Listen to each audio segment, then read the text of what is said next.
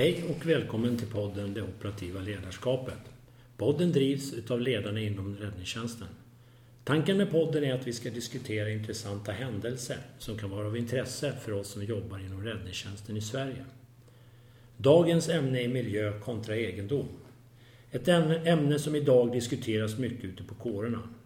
Vi ska ta upp två fall där fel beslut kan få enorma konsekvenser och höra hur man löst detta och vad som gick bra och vad man kunde ha gjort annorlunda. Idag träffar vi Kristoffer Water som vid första larmet jobbade i Storgöteborg och vid det andra larmet i Storstockholms brandförsvar. På så sätt får vi även möjligheter att höra om han tycker det är någon skillnad i tankar mellan dessa två brandförsvar. Jag som sitter bakom spakarna heter Ulf Lejon, är ordförande för ledarna inom räddningstjänsten, tillika yttre befäl i Storstockholms brandförsvar. Välkomna!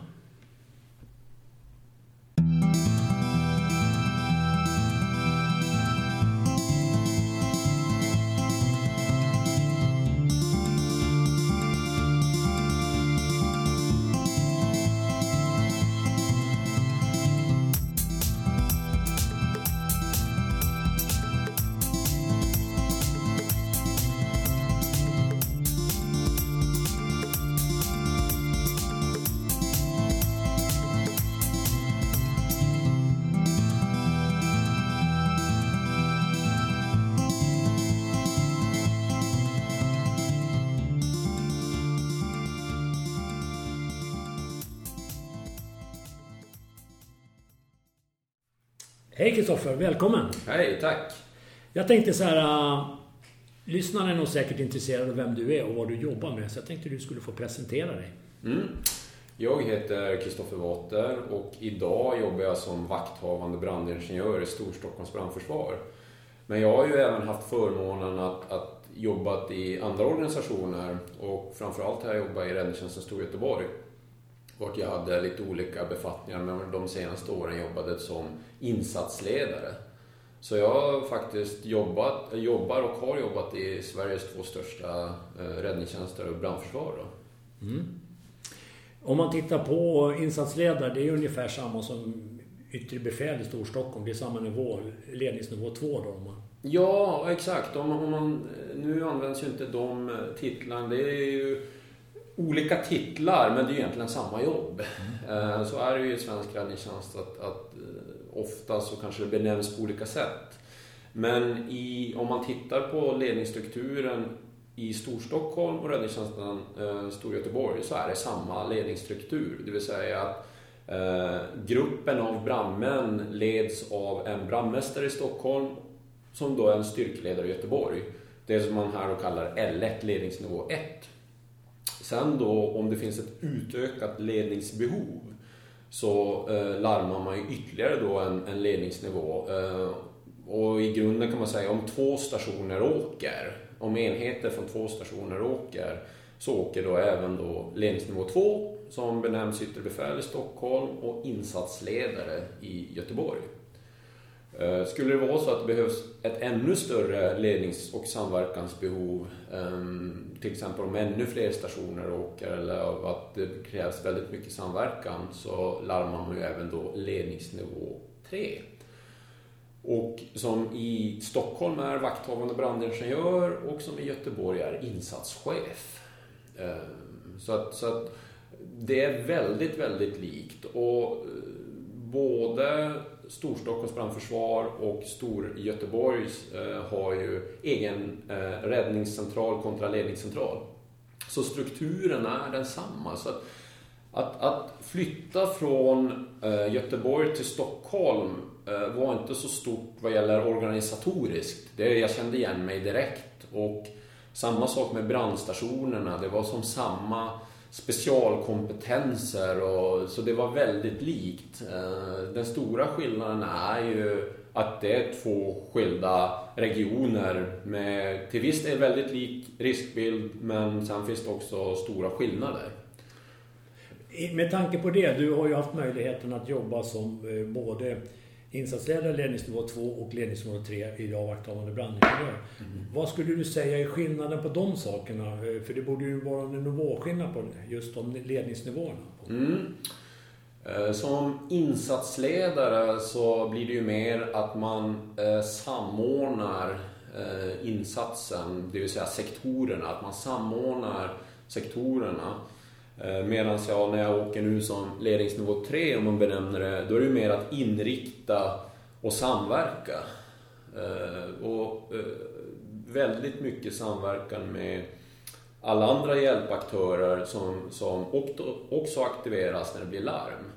För det är ju väldigt många fler än eh, räddningstjänsten som aktiveras när vi åker på händelser.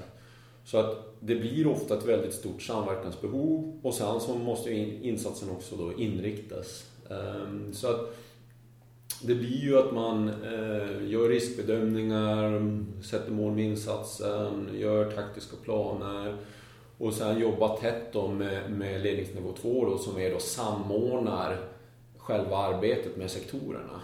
Och det har för mig varit oerhört eh, intressant och givande då att, att få verka i olika roller. Jag har tidigare också då verkat i då ledningsnivå 1. Så att eh, det har varit väldigt eh, intressant då att få vara i olika roller och få lära sig dem och jobba i de olika rollerna. Jag tror säkert någon av lyssnarna är intresserad av att höra vad du tycker om vilket som verkar mest spännande att åka i? Eh, ja, alltså det som är väldigt roligt är ju att, att alla ledningsnivåer har sin charm. Eh, jag har även eh, jobbat som brandman och eh, det är ju klart, när man åkte som L1, uppstart av insatsen, först på plats, få sätta igång åtgärder och göra en snabb bedömning och lyckas man komma rätt så blir det så bra. Sen när man blir L2 och sen går vidare till L3. Alltså, det blir en annan utmaning. Då handlar det mer om samordna, alltså som får hela, hela spelet med alla sektorer att fungera. Men handen på hjärtat så måste jag nog nästan säga ledningsnivå 1, uppstarten av insats där. Ja, det, det, det är nog det som är mest intressant. Sen så ja, att åka idag som ledningsnivå 3 och få en stor händelse och försöka lösa det problemet och samordna är också väldigt intressant. Men ja, när ledningsnivå 1 är något sånt där som man just, just om man kommer in rätt och det blir bra. Jag kan faktiskt hålla med dig. Så eh, jag tänkte vi skulle starta upp och prata om eh, första ämnet då. Och det är ett larm som kanske inte är det vanligaste vi åker på men det tillhör ju ändå en av de sakerna vi ska åka på. Och Det handlar ju om förorenat dricksvatten med risk för översvämning av avloppsnät som du eh, eh, eh, råkade ut för helt enkelt. Det, det var ett larm som eh, kom från Härryda vatt, vatten och avlopp heter det väl? Ja. Precis. I Mölnlycke. Du kan väl berätta lite om eh, hur larmet kom in, dina tankar fram till eh, ni kom fram till plats. Mm. Eh, exakt, och då var det ett larm som inte ens kommer in den vanliga larmvägen. Utan det var då att Härryda vatten och avlopp hörde av sig till vår ledningscentral eh, då när jag jobbade i Räddningstjänsten Stor Göteborg. Och frågade om vi hade några pumpar som kunde komma dit och hjälpa dem med några pumpar. Och eh, då var jag relativt nära så att då hörde ledningscentralen av sig till mig och frågade har du möjlighet att åka och till, till dem och höra vad handlar det här om? För vi visste inte riktigt vad det var. Och jag, ja men självklart. Så jag rullade ju dit själv. Jag hade ju inte med mig några styrkor eller någonting utan jag åkte dit själv. Eh, egentligen ingen aning om egentligen vad det handlade om. Eh, de hade något behov av pumpar så ingen aning. Så att just där har man som inte tänka så mycket mer än att ta sig fram för att ja, de har något problem och vi kanske kan hjälpa dem.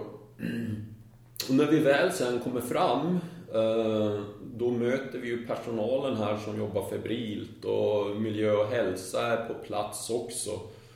Och det som har hänt då, det är att eh, avloppsnätet, eh, där vart de har eh, förgreningen till den avloppstunnel som leder bort till eh, reningsverket, den har totalt proppat igen. Så avloppsvattnet kommer inte iväg den naturliga vägen och då börjar ju all, hela rörsystemet i samhället att fyllas upp. Så att eh, källare och, och, hus börjar att svämmas över med avloppsvatten. Och det här var så akut så att här, här bedömer vi ju att här finns det risk för att vi översvämmar en, en, en hel, eh, ett helt samhälle med avloppsvatten som skulle få enorma konsekvenser Eh, på egendom. Eh, den stora utmaningen här var ju att samtidigt så i anslutning till det här samhället så ligger en reservvattentäkt. Um, vart det här eh, avloppsvattnet då, som svämmar över kommer att hamna. Så vi hade ju en pågående förorening av eh, reservvattentäkten plus då översvämning av avloppsvatten i flera fastigheter i det här samhället. Eh. Precis, och det, ju, det, var ju en intressant fråga du kom med där, för nu, nu pratar vi om egendom mm. kontra mm. Miljö mm. och vad som är det viktigaste. Mm. Vi har sjön som är en vattentäkt som kan bli förstörd, även om det är en reservvattentäkt så är det mm. fortfarande vatten. Och det berör ju väldigt, väldigt många människor samtidigt som vi har en människor som har sina bostäder och allting och får förstört. Det är ett intressant ämne. Hur tänkte du där när du, när du skulle försöka prioritera de här två sakerna? Ja, när vi kommer dit och vi står inför den här situationen så var ju som känslan, vad vi än gör är dåligt. Vad vi än gör nu är dåligt. Det får konsekvenser. För det fanns ingen sån här äh, som vi såg då, en, en, en lösning som skulle innebära att vi inte fick något problem. Och då fick vi utgå från, vad är minst dåligt? Vad är problemet? Hur kan vi komma åt problemet? För då hade vi ju även stöd då av, av miljö och hälsa och deras inspektörer. Och det han tydligt och väldigt snabbt förklarade är att det som pågår just nu är något bland det värsta som kan hända. Det vill säga att vi förorenar en, en, en vattentäkt med avloppsvatten. Och det var ju absolut inte bra. Men den prioritering vi stod där och gjorde eh, och, och funderade på då, det är ju att vi måste få bort problemet. För tar vi inte bort problemet så kommer vi ju både få en förorenad vattentäkt och en översvämmat samhälle med avloppsvatten. Så vi måste verkligen få bort den här proppen. Och det var ett jätteproblem för att det här avloppsvattnet, för att kunna ta bort proppen så måste vi ju få dit eh, eh, sugbilar då, som kan suga bort den här proppen. Problemet var att för att göra det så måste vi ner i en brunn som redan var helt översvämmad med avloppsvatten. Och för att ner i den brunnen, där fanns ventilen då för att stänga av den här brunnen. Så det vill säga, vi måste ner i en brunn, stänga av en ventil så att det inte kommer mer avloppsvatten till den här proppen för att sen suga ut den. Och det var ju ett problem, för vi kom inte åt den.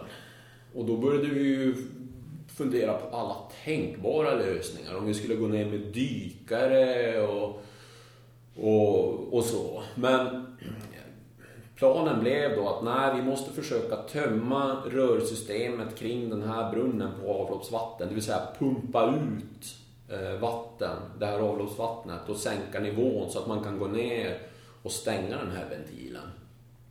Varav då vi bland annat tog dit eh, motorsprutor, alltså klass 3-sprutor från räddningstjänsten för att öka eh, bortflödet av avloppsvatten.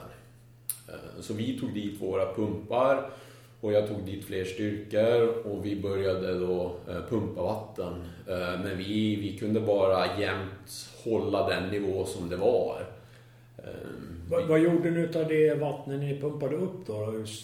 Gick det till tankar eller vad spolade ni ut det? Som Nej, det var det problemet att, att det vattnet hamnade, i och med att vi var tvungna att pumpa ut, det hamnade också då ner i de naturliga drag och sånt som också ledde ner i, i vattenskydd, eller vattentäkten. Samtidigt som, eh, vet du då, eh, vatten och avfall, alltså här är vatten och avfall, hade också börjat bredda andra brunnar bara för att, att Eh, det började svämma över mer och mer.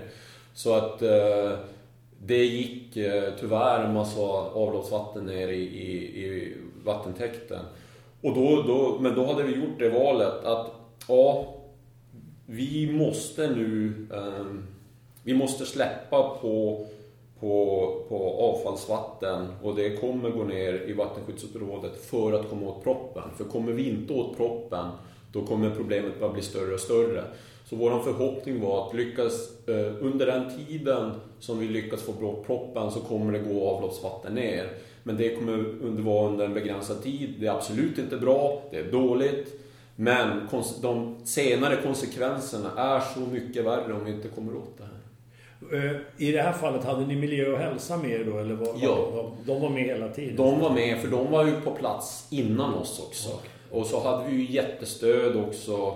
Alltså det blev ju, det blev ju en samverkansinsats mellan oss eh, och, och eh, Härryda vatten och avlopp och Härrydas eh, miljöinspektörer, deras miljö. Och sen då i det här fallet så tog ju jag då även och insåg att det här, vi, vi måste ha ännu mer ledning. Så då åkte jag ju då som insatsledare i ledningsnivå 2, så då tog vi även ut ledningsnivå 3. Och sen aktiverades ju även eh, alltså den inre ledningen på ledningscentralen i Storgöteborg då som började även kontakta, alltså det här fick ju stora konsekvenser för att den här eh, vattenskyddsområdet var ju då reservvattentäkt för flera kommuner. Så det är ju alla kommuner som är involverade där och länsstyrelsen. Så det blev ju alltså, väldigt stora konsekvenser om vi får en, ett, ett, en vattentäkt som berör jättemånga kommuner. Så att det blev ju mycket större än vad vi kunde föreställa oss och mycket större än bara oss som där kämpade med proppen. Utan det här berörde ju som sagt flera kommuner samtidigt ganska intressant att höra det du sa att du åker på ett som du inte ens visste att det skulle vara Nej. larm till att det blir så här enormt. Ja. Eh, och man förstår ju det, kostnaden för det här ja. vattentäkten om den skulle bli förstörd. Hur rullade det på sen då? Eh, hur fick ni ordning på det? Ja, hur vi fick ordning på det. Eh, vi började ju... Då involverades ju fler kommuner. Bland annat Mölndal kom ut med sin katastrofpump för att hjälpa oss. Vi började kolla upp alla tänkbara Eh, Eh, pumpkapaciteter som fanns. Och eh, i Göteborg då så fanns det ett varv, Gotenius varv, som hade en jättepump för att länspumpa fartyg som skulle in på varv och sånt. Som eh, vi frågade om, om de hade möjlighet att, att, att, ställa upp. Och de kom ut med en riktig monsterpump eh, sen. Och genom då att kombinera alla pumpar som vi hade fått ut så lyckades vi sänka nivån tillräckligt kring den här brunnen som hade ventilen. Så en från eh, Härryda vatten och avlopp, han gick ner sen i den här brunnen och lyckades stänga av den här ventilen så att det inte kom något mer avloppsvatten in till just den brunnen då som var själva, själva brunnen som ledde ner till avloppstunneln. Och i och med att vi lyckades stoppa det inflödet så kunde vi börja ta dit slambilar och sen suga bort den här äh, proppen som var en blandning av allt möjligt äh, skrot som folk har spolat ner i avloppen. Skulle du se några fallgropar på vägen? Upptäckte du någonting? Oj, om vi hade gjort så där, hade det kunnat gått så här. Eller var det någonting annat som du vill ta med dig utav det där? Just när man står där eh, och man kommer till något sånt här som man inte är riktigt van och, och man står där och just den här känslan av att vad vi än gör är inte bra. Alltså vad vi än gör för en konsekvens. Alltså som här, vi väljer att, att bredda avloppsnätet och det går ner avloppsvatten i vattentäkten. Det är ju inte, det finns inte bra. Men att då samla sig i tanken och förstå att Ja, ja, men konsekvenserna om vi inte kommer åt problemet kommer bli så mycket värre. Att, att just där att, att som på något sätt ändå vi måste komma åt problemet. Och att man inte där bara eh, faller på att vad vi än gör är dåligt utan vi måste göra ett val och vi måste prioritera. Det får konsekvenser men det är det här beslutet kanske kommer få minst konsekvenser. Ja, ni har gått ner i brunnen om jag förstår det rätt och så ska ni försöka stänga av. Lyckas ni stänga av det där? Då. Ja, ehm, det var ju en riktig hjälte som hoppade ner där och, och stod och hamrade och bankade och han fick ju, han lyckades ju stänga ventilen. Och det var ju det då som gjorde att vi kunde som, eh, gå över i fas 2 då och få bort den här proppen. Eh, och sen väl när vi eh, hade lyckats då stänga ventilen och börja jobba med, med proppen, då värderade vi ju där, är det fortfarande räddningstjänst eller inte? Och vi valde senare där att, att avsluta räddningstjänsten när vi hade kommit in en bit i det skedet, för då klarade ju eh, Härryda eh, eh kretslopp och, va eh, eller vatten och avfall klarade ju själva då med deras förmåga att ta bort den här proppen. Eh, så här efteråt då, för det har du säkert funderat på mm. de beslut du tog. Är det någonting du ser du skulle kunna gjort annorlunda? Eh, eller på något sätt, eller några andra idéer på hur man skulle kunna lösa liknande fall? Om någon annan skulle råka ut för det här? Jag begär hjälp fort. Alltså, eh, på något sätt fundera, gör en aktörsanalys. Alltså dels ta ut mer hjälp för dig själv. Att många att, att ta hjälp av, begär mer ledningshjälp av kollegor och sånt som gör att, att man kan börja tänka tillsammans. Och sen också börja göra den här aktörsanalysen som, vilka berörs av det här? Ehm, det är kanske flera kommuner och sånt, så att, så att de sätts igång och att deras experter som kommer. För att, som man tittar här, alltså eh, vattenverk och, och de här kommunala förvaltningarna i respektive kommuner har ju jättemycket kunskap och utrustning som man kan ta hjälp av. Uh, ensam är inte stark, utan stark blir man tillsammans. Och att tidigt begära hjälp och tidigt fundera på vilka som berörs och att ta till sig alla dem för att hantera det här. För det här är ju sådana här händelser som vi råkar ut för väldigt sällan. Och, och, och nyckeln är att tillsammans samarbeta med olika aktörer för att hantera det. Hur, eh, hur, vad var reaktionen från miljö och hälsa efter ni var klar med insats eller fått stopp på det här? Ni har lyckats stänga ventilen, ni börjar suga upp slamproppen, det blir ingen mer översvämning. Det har väl ändå gått ner en del vatten i vattentäkten? Exakt, eh, och det var ju ett problem. Så den reservvattentäkten var ju stängd i flera månader eh, framöver. Jag vet inte exakt hur länge, men det var flera månader efteråt under tiden som det här vattnet skulle filtreras och sånt. Eh, så att det skulle kunna bli tjänligt igen. Um, så att, så att eh, det, det, blev ju det, det blev ju en konsekvens då att eh, den reservvattentäkten kunde inte nyttjas på ett bra tag. Men den går att nyttja idag? Så ja, jajamän. Okay. Nu är den ju igång och så. Utan det, det tar ju tid. Dels så, det avloppsvatten som, det blandades ut, det späddes ut väldigt mycket. Men sen så fick det ju då filtreras och sånt. Så att idag är den ju fullt bruk igen. Är det någonting annat eh, med det här larmet som du skulle vilja delge lyssnarna? Som kan vara bra att veta? Eh, det är just där att eh, man måste vara förberedd på att vad som helst kan hända.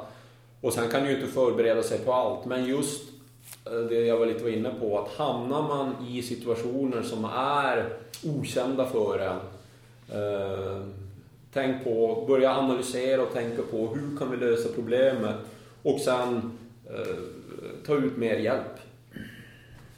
Ja, vad bra. Intressant, för eh, jag tror att de flesta aldrig har åkt på sånt larm och inte ens har tänkt tanken att vi kan hamna i det här läget. Men helt klart räddningstjänst och vi har miljön. Och du ska ställa dig mellan antingen ett vattentäkt som säkert är för flera hundratusen mot ett antal villor allmänheten, dök de upp någon gång och frågasatte varför ni inte gör något eller varför kommer ni inte hem till oss? Eller?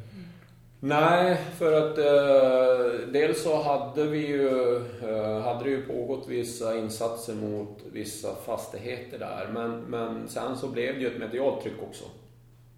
Eh, det blev ju ganska mycket i media och sånt. Men vi som var där på plats, vi var som skonade för det. För vi var ju samtidigt inne på eh, vatten och avloppsanläggning. För det var ju där den här eh, brunnen låg. Så vi var ju som på inhägnat område där vart vi jobbade. Så vi jobbade ganska så ostört så sett. Mm. Har ni fått några följder för det här? Är någon som har anmält? Det några någonting sånt eh, efter Nej, eh, nej, det har inte varit något sånt efteråt utan, utan som sagt, vi fick ju bort problemet. Och hade vi inte fått bort problemet så hade konsekvenserna blivit ännu större. Så att det var ju som, på något sätt ganska så självklart vad vi behövde göra. Vi måste ta bort problemet. Anledningen till att jag frågat, det, det finns ju några rättsfall i Sverige då, bland annat med skum och grejer. Det är lite också därför vi pratar om den miljön. Mm. Intressant. Eh, bra att ta med sig. Jag hoppas att det var nytta för övriga lyssnare. Eh, eftersom du också har sen klivit över i Storstockholms brandförsvar då, så har du också varit på ett annat ställe där du åkte på en villabrand. Eh, mm. Där villan låg på en vattenskyddsområde. Ja. Eh, jag tänkte vi skulle prata lite om det också i samband med det och hur du tänkte där och vad som hände. Eh, mm. Du kan väl berätta lite om hur larmet kom in och hur ni fick reda på det och vad som hände fram till uppstart. Ja, exakt. Då skulle vi faktiskt, vi var vid centralstationen och höll på att orientera kring centralstationen, att vi höll på att taktisera, vad gör vi om det, vi får en händelse på centralstationen? Och då får vi larm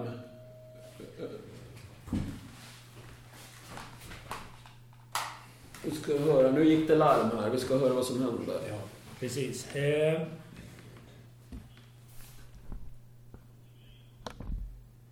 Ja, spännande. Det går larm ibland också när vi sitter ja, exakt. direkt sen. Det, det gick ett larm just och uh, det är en lägenhetsbrand. Så att just nu åker uh, två stationer och uh, vårt yttre befäl på det här. Så får vi ju se då om det krävs ytterligare ett ledningsbehov eller om, om det händer, om jag måste åka sen. Men just nu åker eh, ytterbefälet med två stationer. Ja. Tillbaka, ni fick ett larm när ni var på centralstationen? Ja, exakt. Vi var på centralstationen och så fick vi att vi skulle åka på eh, villabrand. Ehm, just då pågick samtidigt en lägenhetsbrand som det yttre befälet redan var på. Så då fick jag att vi skulle åka på det här. Eh, sen hörde jag att ytterbefälet blev ledigt och också åkte på det. Men då bedömde man att det var så en pass stor villa och att det var ett häftigt eh, larmförlopp som man lät och alla Eh, ledningsnivåer och alla slagna styrkor att rulla på. Och när vi kommer fram så möts vi av en fullt utvecklad villabrand med ett oerhört intensivt och hastigt brandförlopp. Ehm, så vi påbörjar ju eh, en, en räddningsinsats och påbörjar ett släckningsarbete. Tack och lov var det ingen kvar i villan. Eh, de hade lämnat byggnaden tidigare. Och vi påbörjade ju släckainsats där i syfte med att försöka slå ner branden eh, och skydda angränsande byggnader. Det var väldigt kraftig blåst den här dagen eh, och det var kraftig brand från villan och det låg många villor runt omkring och det drev in rök från andra villor. Vi hade till och med brandspridning, att det började ta sig eh, i en byggnad lite längre bort. Det hade väl kommit med vinden då, men det kunde vi ju slå bort snabbt. Och här fick vi ett oerhört intensivt brandförlopp. Och vi sätter ju igång och, och vi provar, vi inleder ju också med att använda KAFS bland annat eh, för att slå ner branden. Att vi använder skum, tryckluftsskum. Eh, och en bit in i den här insatsen så eh, kontaktar våran operativa chef, det vill säga ledningsnivå 4 då i Storstockholms brandförsvar som sitter inne i eh, räddningscentralen mig och upplyser mig om att eh, det, byggnaden står på ett vattenskyddsområde. Hur tänkte du då? För jag hörde att du pratade om att ni hade använt kaffe, det vill säga skum. Mm. Eh, hur, hur, hur tänkte ni då? I, vad, vad gick genom huvudet då i, när du fick reda på att oj, nu står vi på en vattentäkt? Ja, exakt. Um, och, och här ställdes vi ju inför ganska mycket som man måste tänka på då. För att dels så har vi en pågående brand med en egendom. Eh, samtidigt så har vi en, ett, ett vattenskyddsområde. Och, och då får man ju också bedöma vad går att rädda i det här fallet hade vi ju en fullt utvecklad brand och det hade tagit sig i konstruktionen i, i själva byggnaden och vi insåg ju att den här byggnaden kommer ju inte gå att rädda. Eh, branden har gått så långt. Samtidigt som jag hade polisen på plats och eh, vi diskuterade eh, huruvida de skulle fortsätta en brottsutredning, det vill säga Eh, ska vi släcka för att säkerställa att de ska kunna göra en, en brottsundersökning och, och kunna ta bevis och sånt. Eh, men de valde sen att, att eh, de bedömde det inte som brott utan bedömde det som olyckshändelse så då föll också, om man säger som det ingångsvärdet. Och då stod det ju i det här fallet egendom kontra vattenskyddsområde. Och eh, eh Eh, med den hastiga brandförlopp som rådde och vi insåg att eh, vi kan inte rädda villan, vi kan inte rädda någonting i den mer eller mindre. För, för vi hade fått avbryta rökdykningen också. Eh, vi inledde med en rökdykning initialt. Så valde vi sen efter diskussion där tillsammans med, med yttre befälet då att in, vi ändrar inriktningen och inriktningen blir att dämpa brand och skydda omgivning för att inte förorena vattenskyddsområdet. Miljö och hälsa, var de med här i början eller var det de som kom med att tala om det här? Eller kontaktade ni dem under tiden? Ja, vi kontaktade dem, men vi tog det här beslutet innan vi pratade med dem. Mm. utan vi, uh, när jag fick reda på att det var vattenskyddsområde, för det är så att vår operativa chef får granska på kartor. Uh, han i det här fallet tittade och insåg att det ligger på vattenskyddsområde och upplyste mig om det. Då fattar vi det beslutet samtidigt då som vi kontaktar eh, miljöförvaltningen i, i Stockholms stad. Eh, och sen eh, ringde de upp mig och så hade vi en dialog, förklarade om vad som hände, vart villan brann, vart den stod, våran inriktning och våran målsättning är att inget släckvatten eller, och vi avbröt också skuminsatsen, inget släckmedel ska hamna i vattenskyddsområdet. Den skum ni hade lagt ut, för det är ju en stor fara för miljön, framförallt för vattentäktsområdena. Hade ni någon plan för hur man skulle få bort den eller ta upp den, eller var det borta allt? Ja, det brann, det, det, det försvann i branden. Eh, och där hade jag också, i och med att vi var, var ju eh, flera styrstationer då slagna till det här larmet, och med den sektorindelning vi gjorde så, Eh, så hade vi, vi hade två sektorer där framme och vi hade initialt eh, då fått tre brandmästare till platsen. Så tog jag och nyttjade den tredje brandmästaren till att jobba med att titta på säkerhet och titta på eh, analys och miljö. Och en av de uppgifterna han fick var ju bland annat att eh, titta, att, med inriktning att inget släckmedel ska lämna tomten. Så du hade en plan på om ni skulle behöva ta hand om skummet, för ja. det är en viktig uppgift. Jajamän, och det, det, hade vi då tilldelat en särskild person, då i det här fallet en brandmästare, att titta på. Och, och det, det, tycker man, det ska man verkligen ha med sig eh, om man åker på, på larm det är ju alltid fundera på miljöaspekten. Att alltid ha med miljöaspekten. Jag har ju med på, när jag äh, åker på, på räddningsinsatser så har ju jag en massa saker som, som jag ska fundera på varav en del alltid är miljö. Jag ställer mig alltid den här frågan, har vi någon miljöpåverkan här? Eh, till exempel, vart tar släckvattnet eller det släckmedel vi använder, vart tar det vägen? Måste vi, kanske vi måste ändra metodik eller kan vi samla upp det på något sätt?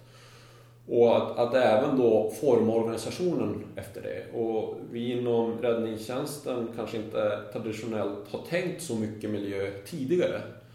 Men vi måste verkligen börja anpassa oss eh, efter, efter eh, att, att eh, anpassa oss och rädda miljö och, och, och, tänka på de miljökonsekvenser det kan få. Och då även anpassa organisationen efter det. Och kanske ta ut resurser för att hantera eh, miljöproblem. Till exempel eh, slam och sugbilar eller något annat.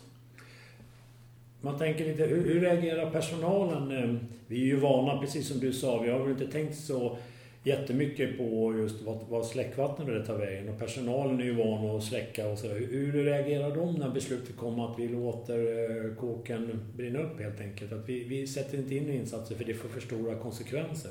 Mm. Ja, exakt. Vi har ju alltid egentligen haft inställningen släcka till varje pris. Så har jag ju själv eh, blivit upplärd och, och det tar ju emot att, att inte släcka. Men här får man ju ta en diskussion med alla på plats också. Och, och i det här fallet gjorde våran, eh, våran eh, ledningsnivå 2 då, som samordnar själva sektorerna, ett jättebra arbete och gick förklarade inriktningen till, till alla sektorer och sånt. Som, och då fortsatte vi med den inriktningen. Och um, i och med att vi gjorde det valet så blev ju det här också en ganska långvarig räddningsinsats. Uh, som drog den, den tog över ett, ett uh, över ett dygn. Uh, för att vi fortsatte med hela tiden den inriktningen och fick sen då kontrollerat, eh, försökt dämpa branden lätt, skydda omgivningen och så fick det här Eh, sakta men säkert hålla på att brinna ut och sen ta dit eh, grävare för att kunna lyfta sen på plåtar och sånt. Så det här blev ju en, en väldigt utdragen eh, räddningsinsats. Men med hela tiden inriktningen att inte förorena vattentäkten. Hur tror du vi ska lyckas att få med personalen nu på alla räddningstjänster att förstå det här att nu måste vi när beslutet kommer att nu ska vi låta det här vara så att man slipper kanske ta de diskussionerna ute. Har du något tips och råd man ska kunna lösa det? Ja, absolut. I, I grunden handlar det ju om kunskap och att vi måste utbilda oss. Alltså att innan larmet sker måste vi tänka miljö. För att om alla tänker miljö, från brandman till högsta befäl, om vi har de här kunskaperna redan innan vi åker på larm, då kommer det bli lättare när vi väl hanterar det. För då kan ju alla bidra med sina kunskaper. Det innebär ju att en brandman kanske inser att nej men här kan vi ju göra på något annat sätt och kanske själv vidta åtgärder eller komma med förslag så att vi alla över hela linjen tänker. Det ska inte bara vara den som är högst ansvarigt befäl som ska tänka miljö eller, eller i någon enskild sektor utan alla ska tänka för att då vidtar vi kanske smarta lösningar. En, en brandman kanske inser att ja men jag kanske inte behöver använda kanske så mycket skum eller jag ska använda strålförartekniken på ett visst sätt för att minimera överblivet släckmedel. Utan om vi alla tänker på hur kan vi effektivt släcka bränder och samtidigt ha så minimala miljökonsekvenser. Så att jag tror mycket att vi måste, vi måste utbilda oss alla då det här verkligen blivit mer aktuellt och vi har börjat förstå det här problemet bättre. Hur eh, allmänheten då i samma veva, eh, fick ni någon reaktion för dem? För de är ju vana, precis som du säger, att vi alltid släcker och fixar, eller åtminstone försöker göra det. Hur, hur reagerade de på något sätt när ni, när ni plötsligt avbröt det här och bara begränsade? Ja, eh, det vi bland annat fick höra var ju att många Alltså som, vi hade ju där slagit ner branden ganska så mycket så att, så att eh, det brann ju, men det brann ju inte lika mycket som initialt. Och sen brann det ju ganska dämpat och kontrollerat i ett kommande dygn. Men många blev ju som förvånade för de tyckte ju när vi hade slagit ner den här stora branden som att sen fanns ingenting kvar. Absolut ingenting. Ett dygn senare. Så det, det hade man som, men vad händer där var nog lite eh, känslan eh, från dem. Eh, och, och, det som också var ju lite tufft för en själv, det var ju eh, att de som ägde huset förlorade ju exakt allt de ägde. Har ingenting kvar från byggnaden eller så. Har du något tips om hur man eh, idag kan förbereda allmänheten på att vi måste ta mer och mer hänsyn till miljön för det ligger ju nu i, i rören att vi, vi måste ju börja fundera på det eh, i tidigare skede hela tiden. Vi måste ta till oss det. Men hur får vi med allmänheten så att de har en förståelse för att vi måste tänka lite annorlunda? Ja, det är ju samma sak där, att vi måste informera. Eh, vi måste informera och, och eh, alltså vi måste ju bedriva en förmågeutveckling internt inom räddningstjänsterna i Sverige eh, just mot det här miljöer. Hur omhändertar vi släckvatten, skum? Eh, vad ska vi använda för tekniker? Vad ska vi göra om vi ställs inför eh, där vart det finns risker att vi förorenar en, en vattenskyddsområde. Och i samband med det här så måste ju vi också då um, informera om hur vi jobbar och att, att, eh, att, att vi också eftersträvar att, att vara, ha så få miljökonsekvenser som möjligt bara vi kan i, i en händelse. Men sen så ställs vi ju också inför situationer där vart vi, vi kommer eh, bidra till miljökonsekvenser. Eh, för det skulle ju kunna vara så i det här fallet att, att vi verkligen behövde släcka den här Eh, byggnaden av olika skäl. Ehm, så att vi, vi, måste, vi, vi måste ta den här diskussionen och vi måste eh, bedriva förmågeutveckling och vi måste informera och framförallt hålla den här diskussionen levande. Så att, eh, för vi alla kommer ställas inför de här problemen någon gång och kanske flera gånger framöver. Vart vi än jobbar i Sverige i olika räddningstjänster. Om du nu får se tillbaka, det vill säga nu har du ju sett vad som hände och vad ni gjorde. Om du fick göra om samma larm med samma förutsättningar, hade du gjort på något annorlunda sätt? Ja, men det förlopp som var när vi kommer fram just på den här branden så hade vi valt samma inriktning. Dock så hade jag försökt rädda någonting från byggnaden. Till de som bodde här. Alltså att försökt få ut någonting. Alltså för att kunna lämna ett minne eh, till de som eh, ägde byggnaden. För jag kan säga det var, det var ganska tufft att möta dem efteråt. Eh, vi träffades en månad senare för att prata om händelsen och då få, få ta del av deras upplevelse och just det här av att förlora allt. Eh, det är ju verkligen inte roligt. Och då hade det som känns att hade vi, hade vi kunnat med rökdykarna fått, försökt få ut vissa saker, även om det kanske skulle vara brandskadat och sånt. Men nu, nu tappar de som sagt allt. Så du, det du menar att man kanske parallellt kunde ha kört igång lite tidigare med någon sorts RVR-räddning och ja, få, ut någonting. Exakt. Få, ut det som kan fås ut innan ja, det är för sent. Exakt. Vi skulle ställt oss frågor. Vi skulle som själva ha ställt oss Vad kan vi rädda? Kan vi rädda någonting?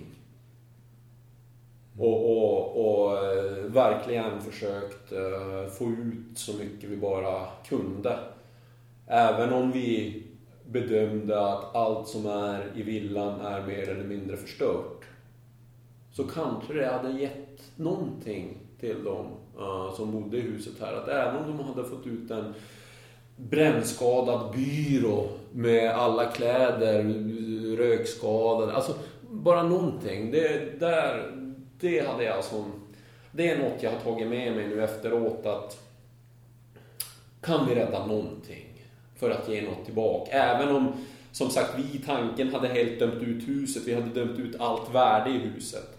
Men det kan ju finnas ett personligt värde i det vi plockar ut. Så det hade jag verkligen gjort om med då.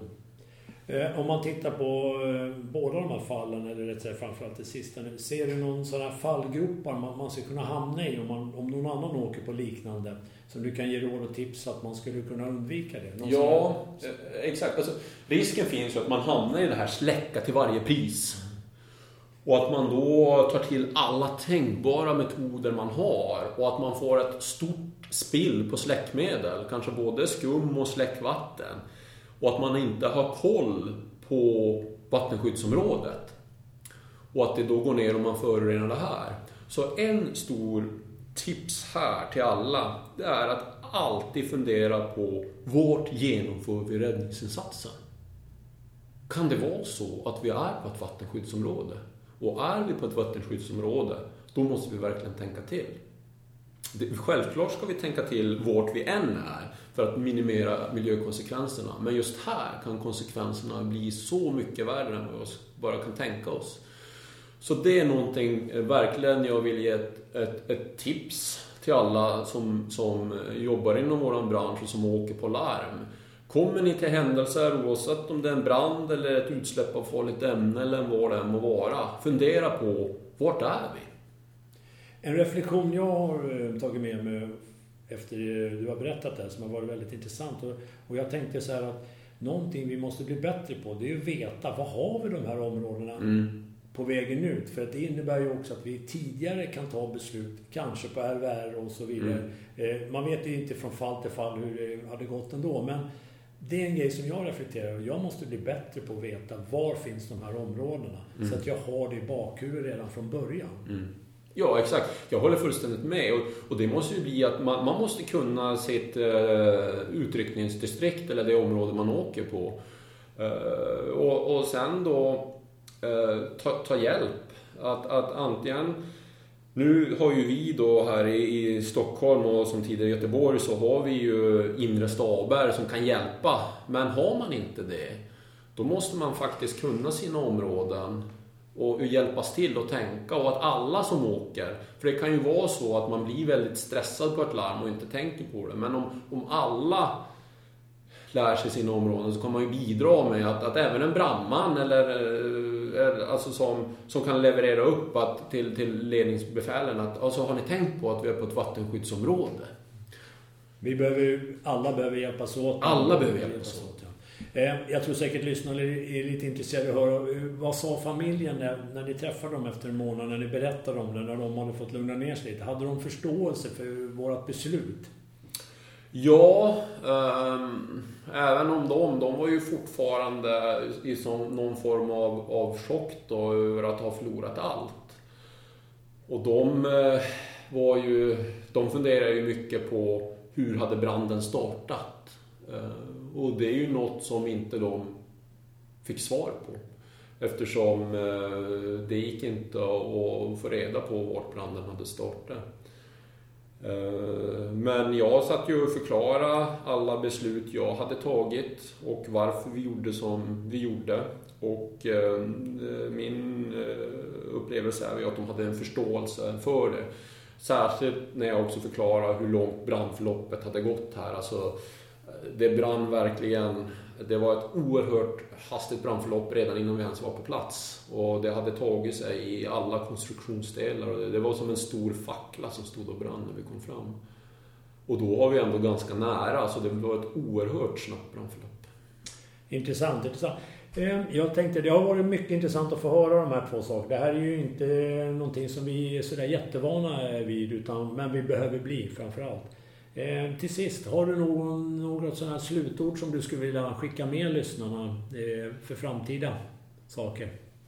Ja, det är ju att just vi står inför väldigt mycket förändringar i samhället med teknik och miljö och sånt och att vi inom räddningstjänsterna måste vara oerhört duktig på att anpassa oss efter riskerna och utveckla vår förmåga efter det. Allt ifrån att vi har gasbilar idag och elbilar och vi får högre byggnader och fler underjordsanläggningar och sånt. Så att, att förmågeutveckling, att ta fram till exempel ny taktik och metodik och teknik och sen att träna, träna, träna för att upprätthålla förmågan. Det är något som är oerhört viktigt för räddningstjänstpersonal. Och samhällsutvecklingen går bara snabbare och snabbare. Och risken finns att vi hamnar allt längre efter. Och konsekvensen blir att, att vi kanske kommer det kommer börja göra ont för oss. Vi kommer börja skada brandmän. Eller vi kommer inte förstå riskerna. Så att vi kanske bidrar då till, till att förvärra eller orsaka andra konsekvenser. Så det är något som är väldigt viktigt. Och, och där tror jag att vi räddningstjänster tillsammans i Sverige måste samarbeta mer. Så det är något som jag verkligen hoppas och, och, och eh, vill verkligen nå ut till alla lyssnare här. Det är att vi tillsammans måste samarbeta mer. Och jag är villig att jobba med alla brandförsvar och få tips och idéer och bidra med mina idéer och ta in idéer från er så att vi tillsammans kan anpassa oss efter den riskbild som vi står inför idag och den framtid vi står inför. Intressant att du sa det där sista för att det var en sak jag tänkte på. Du har varit i Storgöteborg och nu i Stockholm. Men det är precis samma sätt vi jobbar. Och min tanke efter att ha hört det är att det är ingen skillnad var vi än är i landet. Det här kommer vi alla behöva lära oss. Ja, jajamän. jajamän. Och jag tror att en nyckel är ju samarbete mellan oss emellan. Uh, sprida kunskap, bidra med idéer, jobba tillsammans med att utveckla saker, kanske fördela utvecklingsprojekt så att vi blir en stark kraft tillsammans. Och det är ju lite tanken med den här podden att vi ska kunna göra. Eh, ett stort tack Kristoffer. Ja, tack själv att jag fick komma. Ja, det var mycket trevligt att ha dig här. Jag eh, hoppas att du får ett lugnt pass här nu då på natten. Du jobbar ju idag. Ja, exakt. Mm. Tack ska du ha. Ja, tack Ulf. Hej.